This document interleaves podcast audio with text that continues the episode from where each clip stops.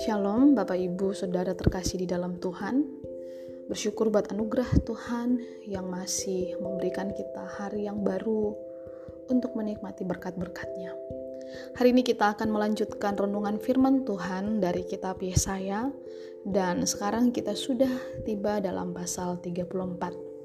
Sebelum kita merenungkan firman Tuhan, mari kita berdoa. Bapak di surga, terima kasih buat kebaikanmu, Pagi ini kami kuat sehat semua karena kemurahan Tuhan dalam hidup kami. Kami akan merenungkan firman Tuhan. Kiranya Allah akan mengurapi hati dan pendengaran kami sehingga kami memahami apa yang menjadi isi hati Tuhan melalui renungan kami pagi hari ini. Demi nama Tuhan Yesus Kristus kami berdoa. Haleluya. Amin.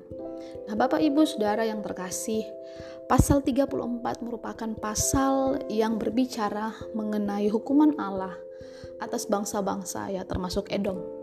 Mereka dihukum karena memposisikan diri melawan dan menentang Tuhan. Dalam pasal ini, Yesaya kemudian menggunakan perseteruan Edom terhadap Israel untuk melukiskan murka Tuhan serta menggambarkan akibat yang harus ditanggung oleh semua bangsa yang melawan Allah.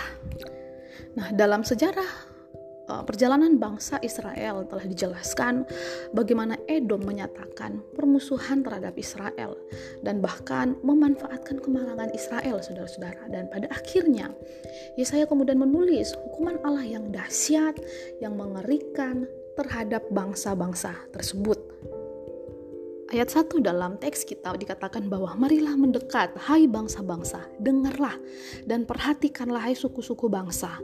Baiklah bumi serta segala isinya mendengar, dunia akan dunia dan segala yang terpancar daripadanya. Sebab Tuhan murka atas segala bangsa dan hatinya panas atas segenap tentara mereka. Ia telah menghususkan mereka untuk ditumpas dan menyerahkan mereka untuk dibantai. Kemudian dalam ayat 5 dikatakan, sebab pedangku yang di langit sudah mengamuk. Lihat, ia turun menghakimi Edom, bangsa yang kukhususkan untuk ditumpas. Dan kalau kita baca secara keseluruhan, kita akan melihat bahwa teks ini benar-benar berbicara tentang hukuman Allah ya. Hukuman untuk mereka bangsa-bangsa yang memilih menentang Allah. Nah artinya ini hukuman bagi mereka yang tidak mau beriman kepada Tuhan.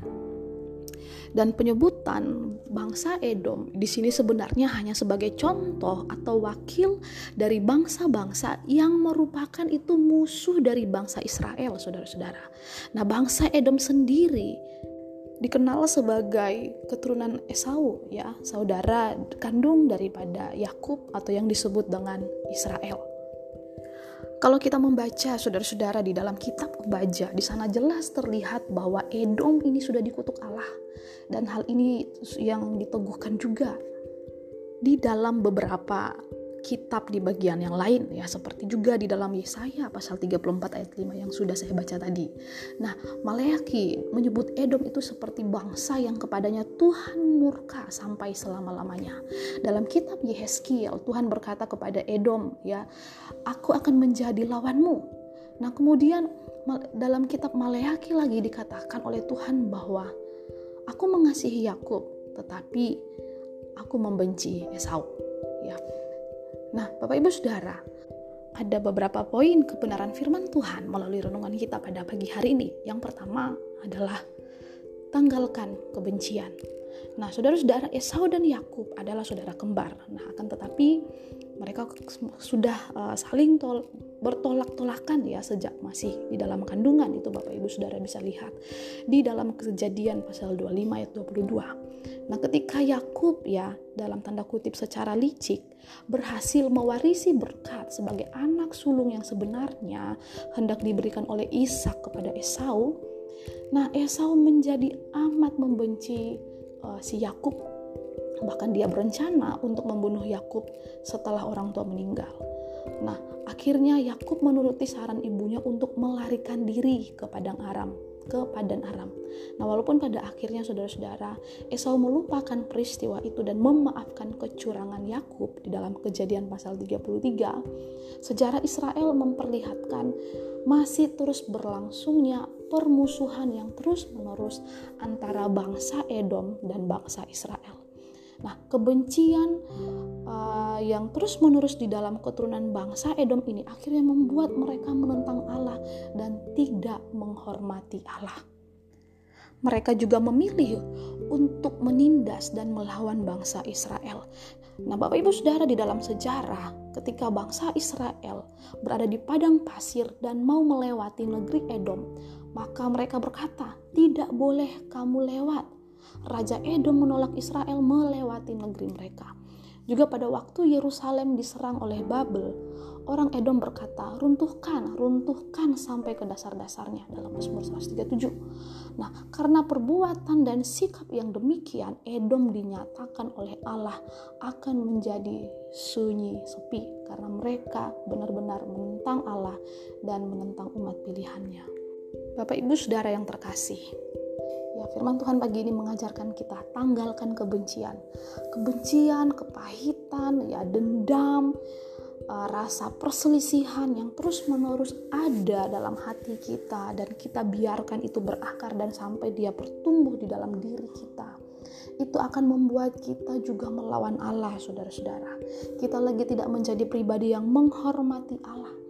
Tuhan mengingatkan kepada kita melalui ya ketegaran hati dari bangsa Edom yang tidak mau uh, menolong keturunan Israel dan malah menentang Allah. Kemudian Allah berkata, mereka akan dimusnahkan. Jadi saudara-saudara, kebencian yang terus-menerus itu akan menjadi racun dalam diri kita, membuat kita menjadi pribadi yang tidak menghormati Allah dan akhirnya membuat Allah sedih dan bahkan bisa murka terhadap kita. Kemudian yang kedua, saudara-saudara, pelajaran kedua yang bisa kita ambil ya dari teks kita yang berbicara ketika Allah menghukum Edom dan bangsa-bangsa yang menentang Allah ialah tidak ada satupun kekuatan di dunia yang mampu berdiri tegak ketika menentang yang maha kuasa yaitu Allah. Ayat 16 dan 17 berkata, Carilah dalam kitab Tuhan dan bacalah. Satupun dari semua makhluk itu tidak ada yang ketinggalan dan yang satu pun dan yang satu tidak kehilangan yang lain. Sebab begitulah perintah yang keluar dari mulut Tuhan dan roh Tuhan sendiri telah mengumpulkan mereka. Ia sendiri telah membuang undi dan membagi-bagi negeri itu di antara mereka. Dengan tali pengukur mereka akan mendudukinya sampai selama-lamanya dan akan tinggal di situ turun temurun dalam ayat 17 ini Bapak Ibu Saudara kita melihat Allah memakai kata tali pengukur ya untuk bangsa Edom. Nah, di sini Saudara-saudara ketika Allah memakai istilah tali pengukur. Nah, tali pengukur ini adalah uh, benda yang digunakan oleh tukang bangunan untuk mengukur kekuatan bangunan dengan tepat. Nah, jadi saudara-saudara, kebinasaan atau pembinasaan terhadap bangsa-bangsa Edom dan yang menentang Allah itu terjadi tidak secara kebetulan di dalam teks ini, melainkan telah diukur dan tepat sebagai rencana Tuhan yang telah ditetapkan. Saudara-saudara ingat bahwa mereka ini dihukum karena memposisikan diri mereka untuk melawan Tuhan dan juga melawan umatnya.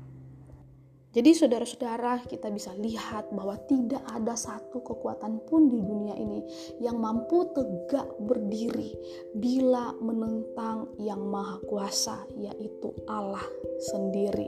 Kita ingat bahwa Edom adalah bangsa yang sombong, merasa mereka kuat oleh karena tinggal di daerah yang tinggi, tetapi sesungguhnya itu tidak ada apa-apanya di mata Tuhan. Akan ada saat Tuhan menunjukkan kuasanya dan kemudian menundukkan musuh-musuhnya sehingga mereka bertekuk lutut bahkan binasa. Jadi saudara-saudara, mari tetap berada di pihak Allah tidak menentang Allah, menuruti apa yang menjadi kehendak Allah, menuruti apa yang telah difirmankan oleh Allah di dalam kebenaran firman Tuhan, sehingga kita akan mengalami kuasa Allah. Melalui renungan firman Tuhan pagi hari ini mengingatkan kita bahwa Jangan menjadi seperti bangsa Edom yang terus tinggal di dalam kebencian, karena hal itu kemudian membawa kita dalam sebuah kondisi membenci Allah, menentang Allah, dan tidak mengasihi saudara-saudara. baik terhadap Allah maupun terhadap sesama. Kemudian yang kedua, mengingatkan kita bahwa tidak ada satu kekuatan di dunia ini yang mampu berdiri tegak ketika kita memilih untuk menentang kuasa Allah. Tuhan akan memberikan ganjaran untuk mengingatkan kita bahwa sesungguhnya kita ini manusia fana, manusia lemah yang tidak mampu berdiri tanpa kekuatan Tuhan. Demikianlah firman Tuhan pada pagi hari ini, kiranya memberkati kita sekalian. Shalom.